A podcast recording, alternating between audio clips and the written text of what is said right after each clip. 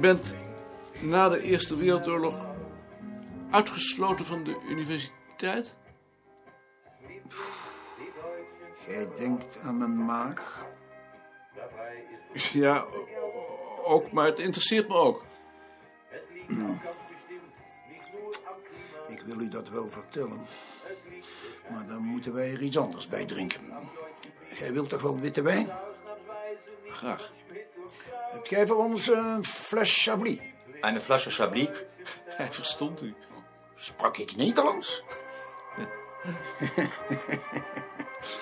ja, eh, de meesten verstaan ons. Al was het omdat zij binnen de oorlog bij u of bij ons zijn geweest. Bitte schön, eine Flasche Chablis. Goed. Mm. Voor mijn maag is dit het beste medicijn. Goed. Jij kent het gedicht eh, van Borms? Van Willem Elschot? Eh, ja. Ehm, ehm, maar maar ik kan, me, ik kan me niet precies herinneren. Begin zo. Gij zijt mij vreemd geweest, vermetele oude vriend. Maar dat gij Nederlands vaan manmoedig hebt gediend, dat weet ik niet te min. Zoals het een ieder weet die nu in dit ons land zijn brood in schaamte eet.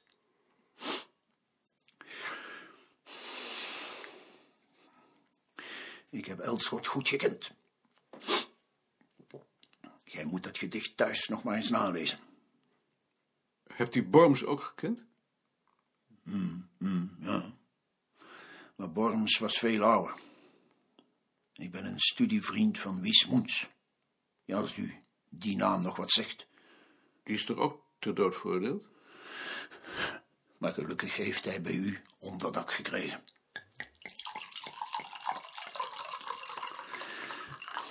Nou, voor een Hollander is dit moeilijk te begrijpen. Ja, ik heb ze altijd beschouwd als landverraders. Ik neem u dat niet kwalijk.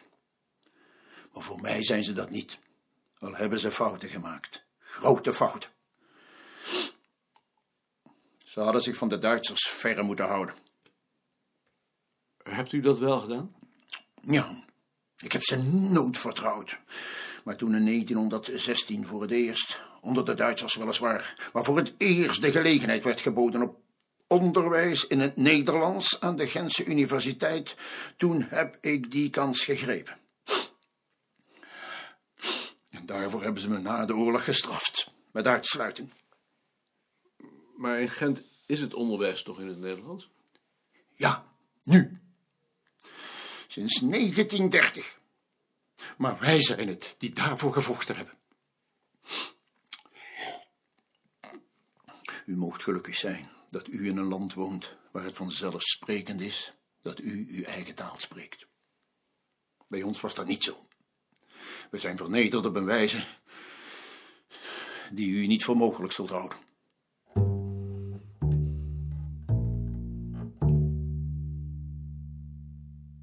Kom hier eens zitten. Ik wil een gesprek met je hebben over mijn opvolging.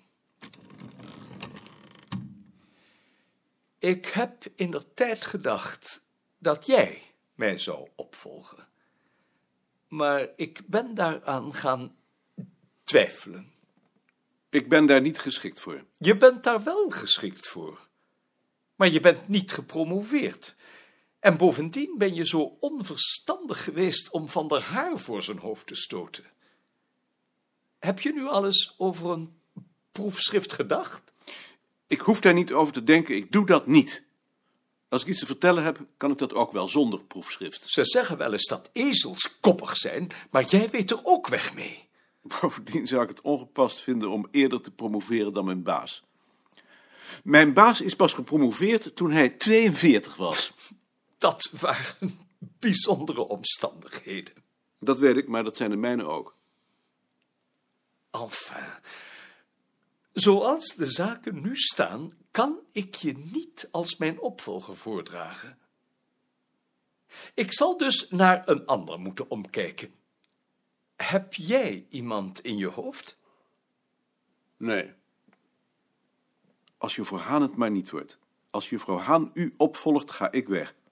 Ik had zelf gedacht aan Balk. Wat vind je daarvan? Daar zou ik geen bezwaar tegen hebben. Een bezwaar is alleen dat Balk misschien professor zal willen worden. Balk is professorabel. Waarom is dat een bezwaar? Dan zijn we hem weer kwijt.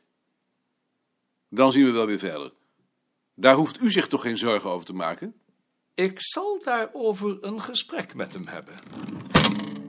Goedemorgen, heren. Zamani. Juist, daar zat ik op te wachten. Dag, meneer Zwenker. Alsjeblieft. Dat voor u. Het is goed. Geeft u maar. Stel je voor dat het niet goed was. Dan zou er een vergissing gemaakt zijn. Hoeveel geld moet ik naar de Giro brengen? Is er iets in mij? Dan leggen alle vogelen een ei. Ik weet niet of u daar rekening mee wil houden.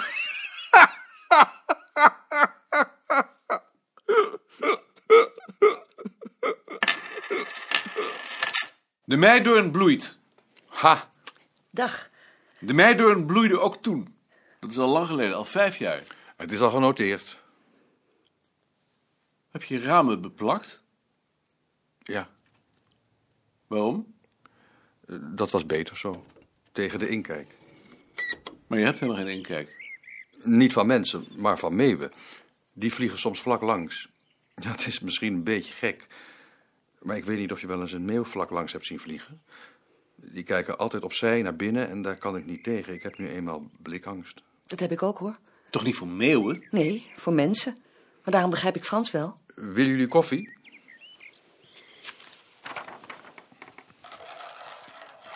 Wat staat er op dat papiertje? Op een gegeven ogenblik heb ik er genoeg van. Wat zou je daarmee bedoelen? En nu de kopjes nog. Zijn de kopjes schoon? Nee, de kopjes zijn niet schoon. Even de kopjes schoonwrijven. En nu nog de melk. Stil is het hier, hè? Ja. De schoteltjes komen zo, met het oog op het morsen. Waarom ligt dat lucifersdoosje daar? Oh, dat, dat kan nu wel weg, nu jullie er zijn. Betekent het dan iets? Ja, even nog het andere kopje. Betekent dit iets? Nou ja, eigenlijk niet. Het lag er ineens en dan weet je niet meer of het misschien geen betekenis heeft. Heb jij dat niet? Ik kan me zoiets niet herinneren. Ik zou over moeten nadenken. Ik heb het natuurlijk zelf gedaan, maar ja, je bent niet alleen in je eentje, dus je weet nooit zeker wat voor bedoeling je ermee gehad kunt hebben. het is natuurlijk een beetje gek. Dat is gek. Maar daarom lachte ik niet, omdat ik het gek vind. Oh nee, nee, natuurlijk niet. En als je er nou op getrapt had? Ik heb er één keer op getrapt. En elke keer als ik me dat herinner, besef ik de breekbaarheid van mijn borstkas. Misschien is het dat. Dat zou kunnen. Dan begrijp ik het beter. Mag ik met de bak? Zal ik geen sigaret voor je rollen? Nee hoor, ik heb zelf ook. De commissie wil dat ik een proefschrift schrijf. Oh ja, dat hoort erbij. Het is niet genoeg dat ze hun hobby's op staatskosten mogen exploiteren en het vuile werk door anderen laten opknappen. Ze willen ook nog eens bevestigd hebben dat het zin heeft. En dat ze tot de top van de cultuur behoren. Ja, maar misschien zijn ze dat ook wel. Denk je niet? Dat pleit dan niet voor de cultuur. Nee, misschien niet. De grootste smeerlappen krijgen de beste brokken en de zwakken worden afgemaakt. Als in het oerwoud.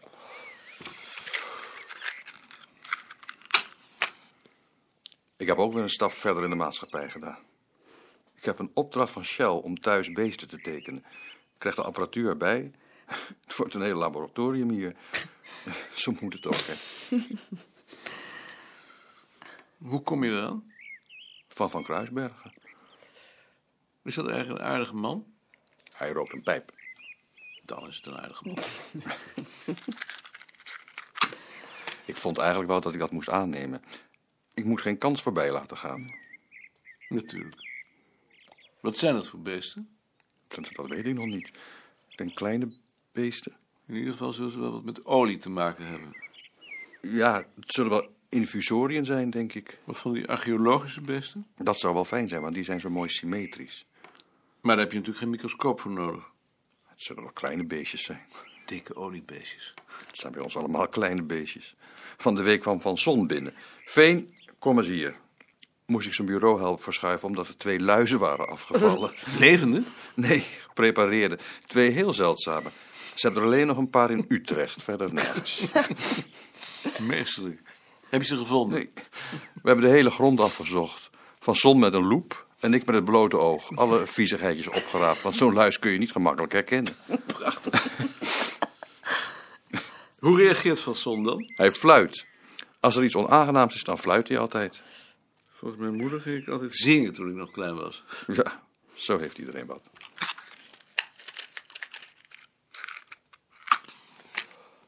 Hoe gebeurt zoiets?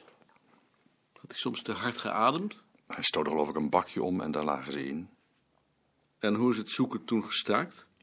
Op een gegeven moment ben ik ermee uitgeschreven en toen moest een andere helpen. En ook niet gevonden. Nee. Een klein drama van het bureau. Een klein sociodrama. Een mythisch verhaal. Ja. Wie het kleine niet eert, is het grote niet weert. Je zou ons toch die tekening laten zien? Oh ja.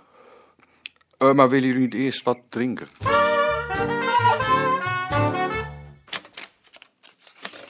De mensen durven je nooit de waarheid zeggen, hè?